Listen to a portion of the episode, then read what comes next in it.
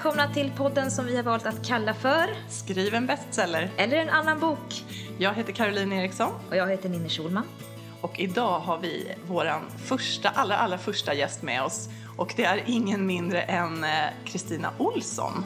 Hej! Välkommen till podden! Tack så mycket. Eller rättare sagt, tack för att vi får komma till dig. Vi är ju faktiskt hemma hos dig och Ja, men det var in idag. jättebra att ni kunde komma hit tyckte jag. Det tyckte vi också var väldigt spännande. Du bor ju så himla härligt. Man känner direkt att man kommer hem till en författare när det första man ser när man kliver innanför dörren är ett stort skrivbord som står i centrum av hela lägenheten. Och så är det böcker överallt och inramade omslag. Det är helt fantastiskt. Vi, vi kan flytta in här va? Är det okej? Ja men absolut. Man blir så glad när folk gillar ens hem. Tack så hemskt mycket. Ja, underbart fin. Du, eh, du har ju en, ehm, ett track record som verkligen inte går av för hackor. Du har skrivit en massa böcker på eh, inte alls många år. 14 räknar jag till. Stämmer det? Sen debuten fem- 2010. Ja, den 15 publiceras nu i slutet av september för den barnbok då. Ja. Ja, du ser. Ja, Och också i mycket. flera genrer har du rört dig. Och jag tror att det är väl det som möjliggör det rent logistiskt för förlaget också. Att det var ett, både för vuxna och barn. Och de kategorierna möts ju inte riktigt. Det är helt olika läsare. Och sen skriver jag en faktabok också. Och det är också något helt annat. Men visst har du också skrivit, alltså när vi tittar på vuxensegmentet så har du Mm. skrivit, om vi kan prata om traditionella deckare men Ja. också mer åt skräckhållet nu på, Ja, jag släppte en skräckbok i januari, det gjorde jag. Och sen har jag ju två krimserier egentligen som är väldigt olika. Men den ena är inte ens, alltså, serie och serie, är två böcker som hänger ihop och sen är det väldigt löst om jag skriver mer där. Jag, jag är förtjust i Martin som karaktären heter så jag kommer nog återvända till honom tror jag. Ja, vi håller ju på eh, nu och pratar om idéer. Och vi kunde ju inte tänka oss en bättre författare att prata idéer med. För herregud vilken idéspruta du är. Berätta hur du får dina idéer. För mig är det lite så här, jag kan, just idén kan jag inte konstruera, den måste komma själv. Sen är det så för mig, det är som ett så här meteoritregn. Alltså jag översköljs av idéer, de kommer hela tiden. Jag skriver aldrig ner dem, för jag har lärt mig att de som är värda, som jag spontant tycker om, de stannar. Och så märker man om samma idé har rört sig i bakhuvudet i tre veckor, fyra veckor, då är det någonting där. Men sen eftersom jag skriver så många olika böcker per år så blir det också lite trångt i kalendern när jag hinner förvalta en idé. Det är väl det som jag inte riktigt vant mig vid, att jag kan ha en idé som är jättebra och sen så ser jag i kalendern, shit jag kan inte börja skriva den här idén förrän om sex månader och då är frågan om den är lika stekhet då. Eller om det kommit en helt annan idé. Eh, och det försöker jag inte styra för att jag är väldigt eh, jag är väldigt passionerad när jag skriver. Det måste vara roligt och då måste jag gilla idén. Så det där, oftast löser det sig självt. Alltså det, jag har vissa idéer på kö. Men de som är mest heta och överväldigande just nu, de vinner i stunden faktiskt. Så du går helt på känsla, vad som känns starkast precis då. Ja, sen är det ju så att om man förbinder sig som när jag skrev Lotus Blues för några år sedan och så säger jag att det här är liksom första akten och två. Andra akten ska ta vid exakt där första slutar. Det är samma fall, det är samma karaktärer. Så har jag aldrig gjort innan.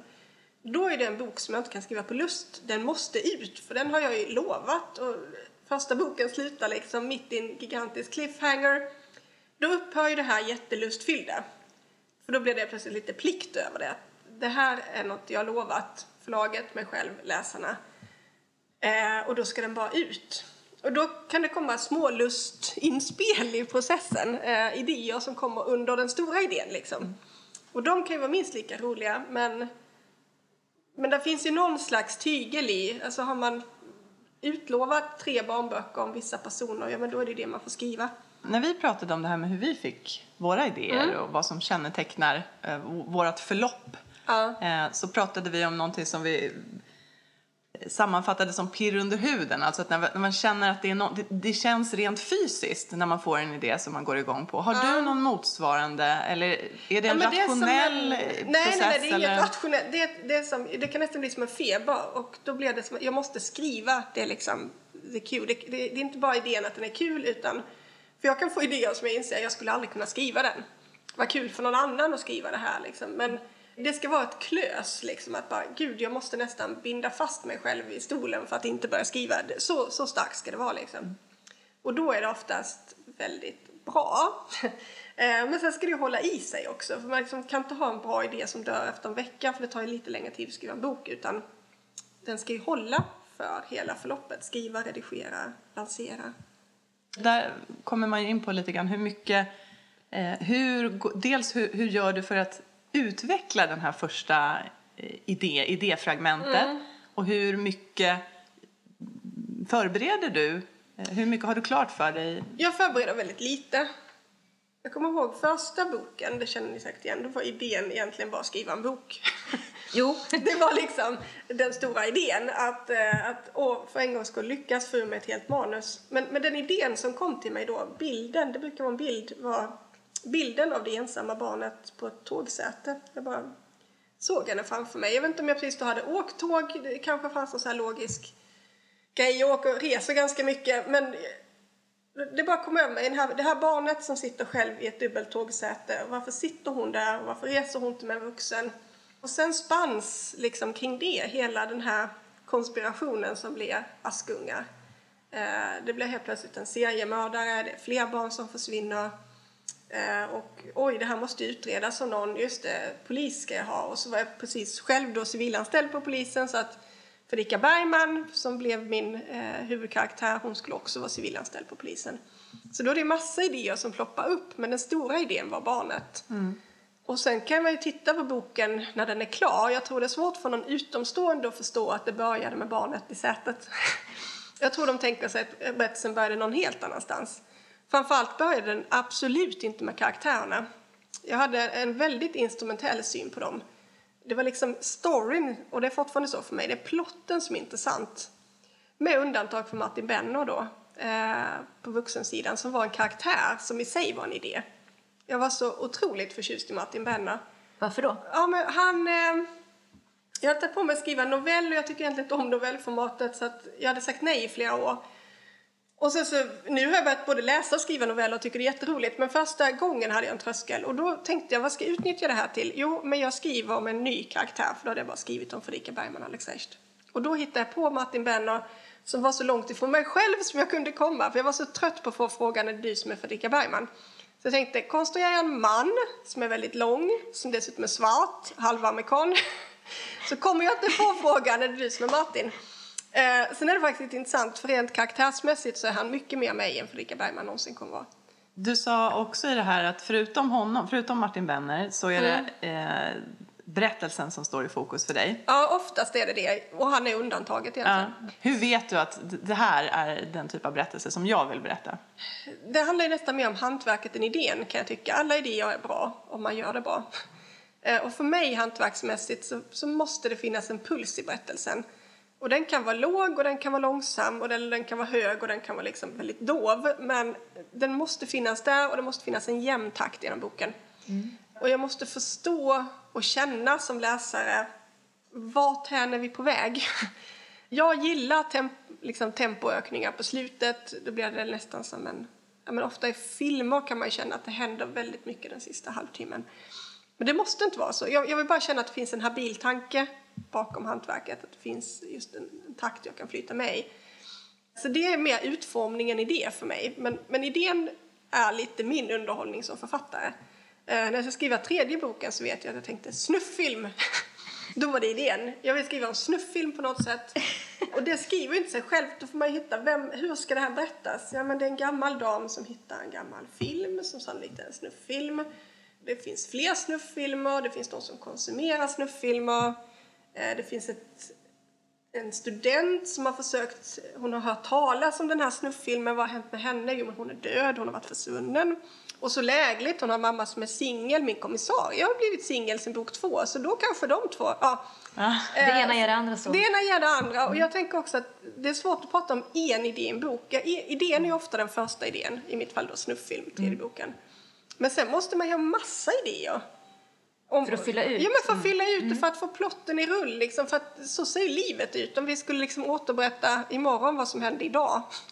Så det är inte en idé som fyller hela dygnet, utan det händer ju väldigt mycket i, normala människors liv. Och ska man sen gestalta det i en bok, så det får inte slacka liksom, utan hända saker. Men du skriver i så många olika genrer också.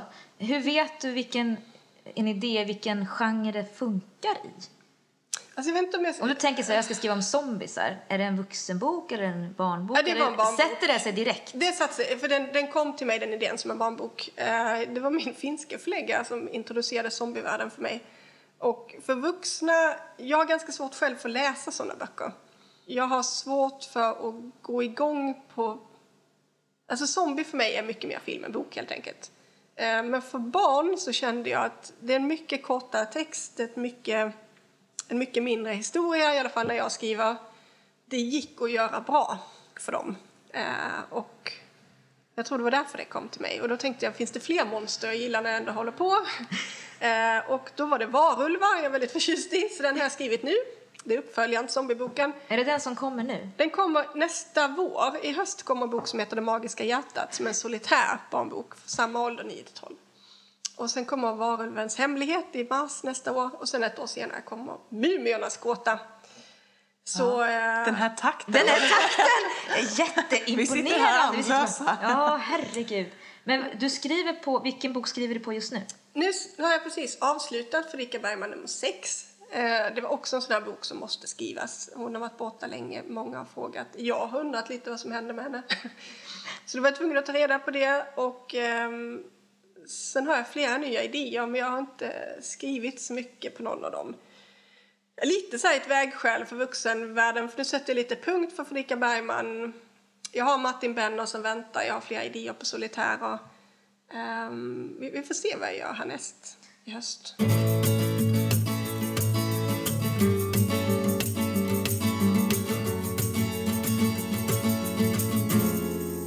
Utifrån att du skriver inom olika segment eller olika genrer, vilka fördelar och nackdelar kan det finnas med att röra sig emellan? Inga skulle jag säga. Jag, har väldigt, jag kan sitta med en barnbok på förmiddagen och, och som en, på eftermiddagen en vuxenbok. Om jag är inne i två parallella redigeringsrundor. Eh, om, om det kommer upp någonting på mejlen, du kan du kolla det här. Jag har inget svårt att lämna det ena universumet och gå till det andra, det har jag inte. Nej, jag tycker inte det är svårt på något sätt för mig. Inte för mig som författare, för det är så skilda... Men finns, jag tänker Ja. så här, de, att i, i mötet med läsarna på något vis, man, eh, det, är ju no, det är ju en gåva att liksom kunna få idéer och att utveckla bra idéer. Det är, det, det är ju någonting som är väldigt tacksamt när man är författare. Ja. Sen kan man ibland uppleva att från kanske förlagens sida att man gärna ska hålla sig till det som är ens läst så att säga. Ah, Okej, tänkte så... Ja. Upplever du att det här, det, den här, nu ligger ju dina ganska nära varandra ändå så att det är någon Mm. form av breddning. Men finns det någonting du inte skulle kunna skriva eh, för att liksom, eh, ja. Sabba ditt eget Alltså, varumärke. just det. Just Ja. det. Ja, nej, var ordet jag letade eh, jag tål ju inte ordet varumärke. Men det, eh, nej, Varför inte? Utveckla gärna. ja, men jag eh, tycker det blir så plastigt och ytligt. Ofta blir det för uttalat strategiskt också. Det blir jättekonstigt. Alltså det säger sig självt att alla har någon form av varumärke privat. Hur känner ni mig som vänner? Hur känner ni mig som kollega? Eh, vi har ju tusen varumärken att förvalta. Men de här konstruerade varumärkena har jag oerhört svårt för och vill inte vara en del av, punkt. Ehm, sen har jag någon slags integritet. Det är skönt att ha någon form av yrkesroll att gå in i. Men liksom varumärke, det ska ju böckerna bygga åt mig, inte tvärtom. Det är böckerna som ska vara var- varumärket, berättandet för mig. Bra sagt, tycker vi. Eller tycker jag. Ja, jag med. Men, ändå, men, men ändå tillbaka till frågan då. Mm. Oavsett om vi pratar om ordet varumärke, men på något vis din, din, dig som författare. Alltså rent krasst är det så här att eh, då kanske det var jättedumt att skriva Lotus Meus Blues eh, för folk kanske ville ha en sjätte Fredrika Bergman. Det går inte att styra mig på det sättet. Då är jag inte den författaren jag vill vara och det kommer märkas i texterna. Men jag styrs inte av vad som är bäst. Däremot, och förlaget har aldrig sagt nej till någonting. De sa inte nej till faktaboken, de sa inte nej till Martin Benner. Min förläggare Sofia är fantastisk på det sättet. Hon, hon ser alltid lika glad och entusiastisk ut. Hon välkomnar den här, det här bubblet som finns i mig. Vi konstaterar att kanske inte alla författare alls gör på samma sätt. Men really, vad spelar det för roll? Och jag kan titta nu, vi är många författare som skriver mycket och som byter genre och skriver tre böcker om det här och går vidare med något annat. Arne Dahl kommer någonting helt annat nu med Utmarker. Eh, Anders de la Motte har skrivit flera serier och kom nu med en solitär. Alltså, vi är många som, som bryter mönstret lite och jag kan tycka det är väldigt befriande. För då värmer man upp branschen. Det är, det är många som ska lära sig att tänka nytt. Ja, och man kan vända på det också tycker jag. Att varför skulle man inte som just författare vilja utvecklas och prova nya saker och, och liksom testa? Ja, det- alltså, på För mig vis- är det ett helt annat, om, om någon bara skriver samma hela tiden, det, det är för mig ett helt annat skrivande än jag håller på med. Jag tänker då har vi nog inte en samma idé om vad som är skrivande. Och, och det finns ju inget rätt och fel där, det är bara min idé ser inte ut på det sättet.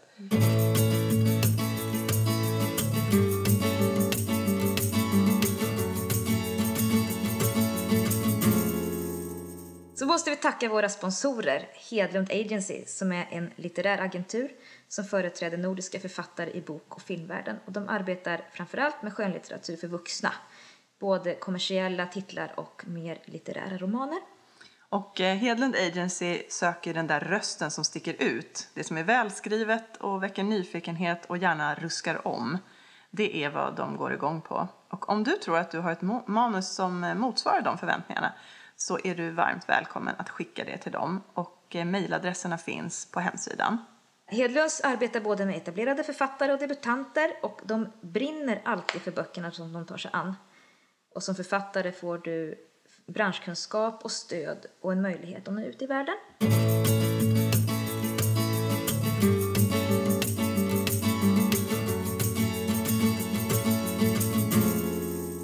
Kristina, jag tänkte på... um, Jag hörde en, en radiointervju med dig för ett tag sedan. Där du pratade om... eh, Du fick någon fråga om eh, skrivkramp, att du inte verkar lida av skrivkramp. Någon, någon typ av fråga som rörde det. Och då kom jag ihåg ditt svar så väl, för då sa du att Nej men skrivandet ska ju vara lustfyllt. Det, här, det finns saker i livet man måste göra. Skrivandet är inte en av dem, det är någonting man väljer. Alltså varför skulle jag inte göra det om det var roligt? Ja. Och det där gjorde sånt intryck på mig. Även du, tror jag, kanske har liksom dagar eller stunder där det, där det trots allt är lite svackor och där det går lite trögt. Hur vet du, hur, hur länge väntar du ut en sån svacka så att säga? Jag väntar inte, jag kör. Alltså, det, jag vet inte om det är min tjänstemannabakgrund, men om jag sitter i ett projekt som rullar, för jag brukar säga när jag skriver, vi säger att det går ju fort för mig att skriva en vuxenroman. Eh, Sju till åtta veckor nettotid. Om det sen avbryts för att jag åker till Crime Time Gotland, då jobbar jag inte de dagarna. Då, så, så totaltiden kanske blir längre, men när jag räknar i kalendern vilka veckor jobbade jag faktiskt så är det ungefär den tidsrymden. Och då har jag ett dagsbeting på ungefär tio sidor brukar jag räkna. Och en dålig dag, ja, men texten ska bara ner. Alltså där, där behöver jag inte ha något gudomligt klös för en enstaka dag eller ens för en vecka. Jag brukar säga att eh, om jag skriver en bok som är 400 sidor lång, så någonstans mellan sidan 250 Nej, 150 och 250, alltså de mitten 100 sidorna, där kan jag tappa energi. Och då är det 100 fucking sidor som ska ut liksom. Eh, men då är liksom hägringen, ja men det kommer vara så kul sen när jag skriver slutet. Eh, och slutet har jag lärt mig nu, börjar väl egentligen i mitten på boken så att då, då bara kör jag. jag. Jag behöver liksom inte det blir inte så himla krångligt för mig. Det, jag sitter inte och väntar på massa känslor, inspiration och energi utan finns det från början så brukar projektet rulla av sig självt. Liksom. Det här är en podd för skrivnördar som vi tänker oss, sitter hemma och, och vill skriva eller håller på att skriva eller drömmer om att skriva. Och när du säger antal sidor så är ju inte hur, hur stor är en sida. Eh, vad har du för typsnitt, hur stort är typsnittet Alltså, och jag- radavstånd och så vidare. Liksom, hur mycket text pratar vi om när vi pratar om Alltså tio jag sidor? skriver eh, boksidor brukar jag säga. Det första jag gjorde när jag skrev Askunga var, för jag, jag förstod diffust att det fanns författare som skrev liksom fulltecknade A4-sidor. Och Jag bara, men det går inte att läsa. Så att jag ryckte ut fem böcker tror jag det var i bokhyllan och kollade hur många rader är det i snitt mellan 32 och 34. Hur många tecken per rad ungefär mellan 60 och 80. Och sen är det min, mitt format. Och sen bryter jag nytt kapitel, då ser det ut så här. Då blir det halv sida där, precis som min bok, och så kommer liksom nästa kapitel på nästa sida. Jag skriver boken som den ser ut egentligen. Sen går jag ju till förlaget och så skickar de den till någon som bryter texten ordentligt och då blir det ofta plus minus 20 sidor kanske. Mm, okej. Men jag tänker, du är så, så... Du går på lust och så har du en idé, en grundidé och Ja. du tänker inte efter så mycket eh, innan du börjar skriva. Nej. Men händer det att du trasslar in dig ofta någonstans? Att, hur, att du tappar trådar som du inte kan knyta ihop eller Så var det nog i början. Jag bara oj, oj, det här blir mycket. Oj, vad mycket trådar det blev. Men, men det där redde upp sig redan kring bok tre. Så kände jag att eh, nu har jag fattat vad jag gjort fel innan och liksom hur jag. Framförallt kom jag på i bok tre hur man skriver ett slut. Just det här att det bara är i mitten och inte i slutet. Men du, när du säger att slutet börjar vid mitten, det tycker Mm. jag var jättespännande. Innebär det då att du, när du kommer till mitten, börjar Mm.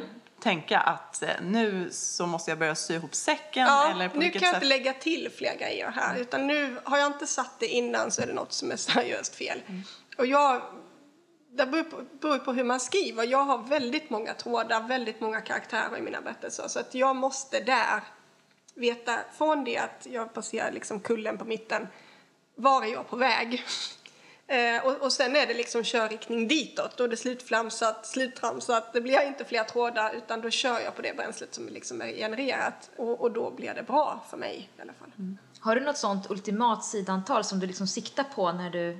Jag tänker Ja, du alltid... tänker mitten någonstans. Ja, men jag, jag tänker nog 400 sidor, så här, riktmärke 350-400. Eh, och sen, För hela boken? ja för hela boken. Och blir det sen längre då upptäcker jag nog det. Det har jag nog upptäckt innan jag når mitten. Jag är inte på mitten nu, det här kommer bli lite längre liksom. Eh, men det där är en känsla, det är inte så att jag är på sidan 198 bara da nu vet jag att jag är på mitten och så blir det perfekt 396. Så funkar det inte. Det är mer en känsla av, mitten kan väl vara någon, man har väl 30 sidor på sig att upptäcka den, var den är någonstans ungefär.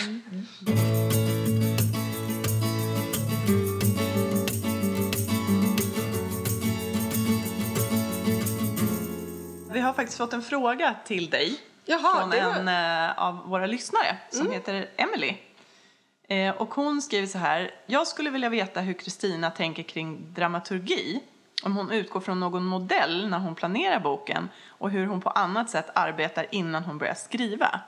Vi har ju tangerat det här lite grann, men just det här med dramaturgi är ju ett tema som vi kommer att ta upp lite senare i podden. Men om vi ändå ställer frågan redan nu till dig då. Har du någon sån modell och hur Nej, tänker du absolut kring inte. dramaturgi? Men dramaturgi för mig är det här flowet, jag pratar om tempot, flytet.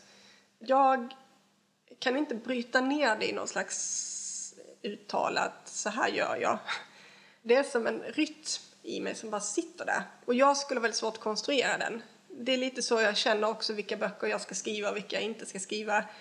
Action skulle nog inte vara min grej alls. Jag, jag skulle liksom tröttna själv och den, den energin skulle sätta sig i boken otvivelaktigt. Det skulle bli den tråkigaste actionboken någonsin.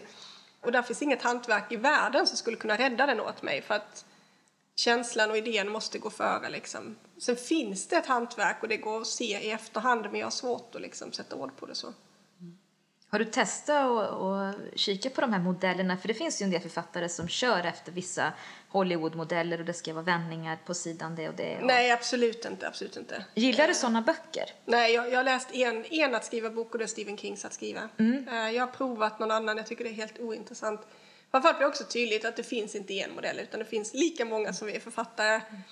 Däremot så Stephen Kings skrivtips eller liksom generella regler kan jag älska. Som? Eh, som till exempel att du ska inte skriva skrek han, ropade hon, tjöt han. Eh, för måste du skriva det så har du inte varit tillräckligt tydlig. Du skriver, prova att ta, ta bort alla sådana och skriv sa i hela texten. Och om det då inte är tydligt hur det här sägs, om det viskas eller ropas eller tjuts, då är det något som är fatalt fel. Jag är inte där till hundra procent. Jag smyger in något viskar vet jag och eh, det är nog någon som ropar ibland också. Men varje jäkla gång så känner jag fan vad jag sviker. Det här är liksom... Stephen King! Jag sviker idén om hur det ska se ut. Jag tar en genväg som jag inte gillar. Men barnböckerna är lite annorlunda för barn är inte alltid så subtila. Eh, Jag dränks av rapporter om att barns läsförståelse minskar. Jag skriver för ganska unga barn. Nio ska vara den yngsta då. Jag vet att en del åttaåringar slinker med. Då kanske det ska stå ropar eller skriker. eh, För att det ska bli tydligt känslouttryck. Men skulle jag börja skriva för äldre barn så skulle det där slippas bort. För då vill jag att de växer ett steg till. Liksom.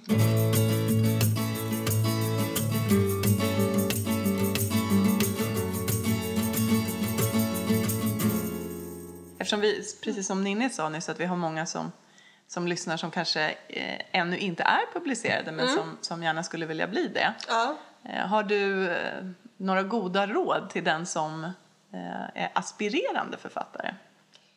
Ja, men fram, framförallt att skriva för att det är kul. Ehm, och, och lita på att... Alltså släppa lite det här, vad vill förlaget ha?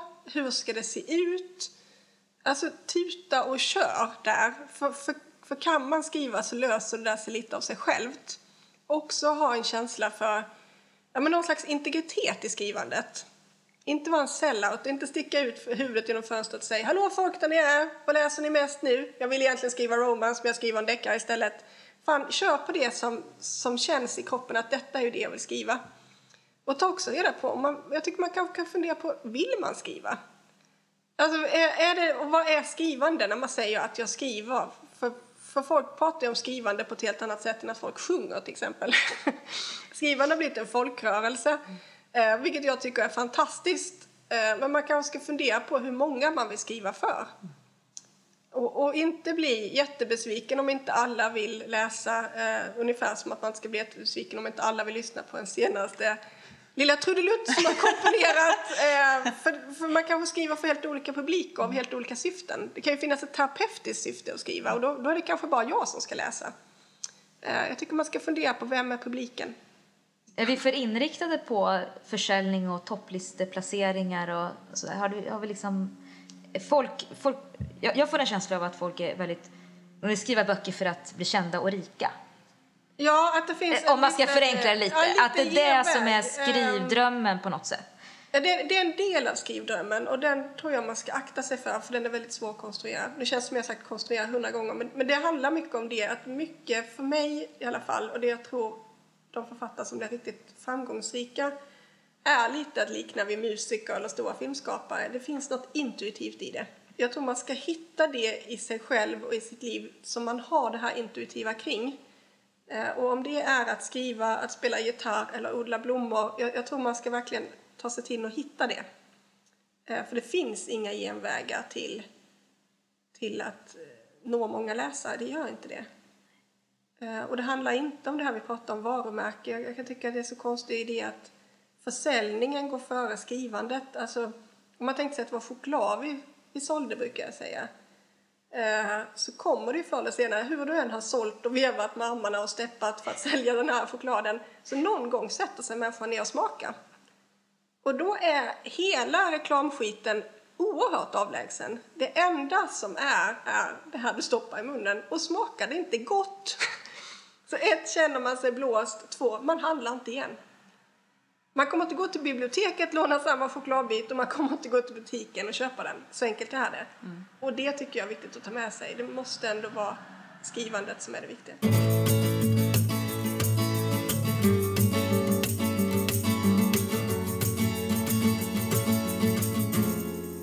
Är det någonting som du skulle själv vilja utveckla? Som du känner att... Med idéer? Ja. Men jag tror just, man ska inte försöka konstruera dem, det är nog min första tanke. Eh, om man har en väldigt, man ska inte avfärda idéer som enkla, jag har hört det flera gånger när jag träffat läsare som skriver själva. Ja men jag har en idé men den är nog inte så bra. Ja, Vad vet du om det? Skriv! Alltså alla idéer går ju att göra bra. Eh, alltså om man kokar ner många historier och filmer, vad är idén? Så, så kan det ibland bli rent löjligt om man bara ska beskriva en mening, men boken blev så sjukt bra. Eller filmen. Det handlar om genomförandet. Det är viktigare genomförandet, egentligen. ja. ja. Eh, och liksom just idén är ju så liten i förhållande till helheten. Vilka karaktärer ska bygga den här, bära den här idén? Eh, hur ska du gestalta den? Var ska den utspela sig? Eh, det, det går ju att variera i det, det oändliga. De flesta historier är ju redan skrivna, det vi skriver nu är bara variationer på dem. Och det kan man ju värt ta med sig. Det är sällan man läser en berättelse och känner fan det här var unikt. Faktiskt. Tack för en oerhört trevlig stund här hos dig, Kristina. det har varit eh, både roligt och lärorikt, tycker jag. Jättespännande. Jag var så taggad inför den här intervjun. Jag vill veta allt om, om hur, du, hur du resonerar kring idéer. Så det, ja, det känns jättebra. Ja, och så stort kul. lycka till med fortsatta skrivandet Ja, men och tack kommande detsamma. boksläppen. Kul att ha två kollegor här. Tack så Ja. mycket. Och så ska vi säga tack Tack ska vi säga till Timmy Strandberg på poddbyrån som klipper. Och mixar. Mixar. Och eh, till eh, Josh Woodward för att vi får låna sången Learn to Fly som ni hör eh, vid lite spridda tillfällen i och under den här podden. Man kan också ta kontakt med oss på vår Facebook-sida som heter Skriv en bestseller eller en annan bok. Där får ni jättegärna ställa frågor till oss som ni vill att vi ska ta upp och ni kan också, om ni behöver någon skrivkompis där ute, hitta någon som kanske vill läsa ert manus och tipsa lite sådär. Ja. Och sen är ni ju också varmt välkomna att följa oss på Instagram. Vi Mm. har varsitt eh, konto där. Jag heter Caroline understreck E understreck son. Caroline Eson. Och jag heter Ninni Schulman ett ord. Och vad heter du Kristina? Kristina Olsson, ett år är det väl? Du har också ett litet understreck såg Har jag ett understreck mellan Kristina understreck Olsson. Kristina understreck Olsson på Instagram. Ja. Men då tackar vi för att vi fick komma hit. Tack för att ni kom. Att jag fick tack. vara med. Ja, ha det bra. Ha det så bra. Hej då! A sticky summer's day in Shepherdstown. An eagle in a thermal is a circling round like a tire on a bike rolling down Columbus Street. But Katie got a little look of hope in her eyes and her arms unfold and she looked to the skies and said, I'm gonna learn to fly around with you, yeah. She jumped up high and she fell to the ground and skinned got right up and she tried it again and smiling all the way with her unstoppable grin. Take time, do what you're gonna do and just smile. You're gonna see it through. Your wings are gonna sprout and lift you off the ground. No, no. Take time, do what you're gonna do. Just smile, you're gonna see it through. Your wings are gonna sprout and you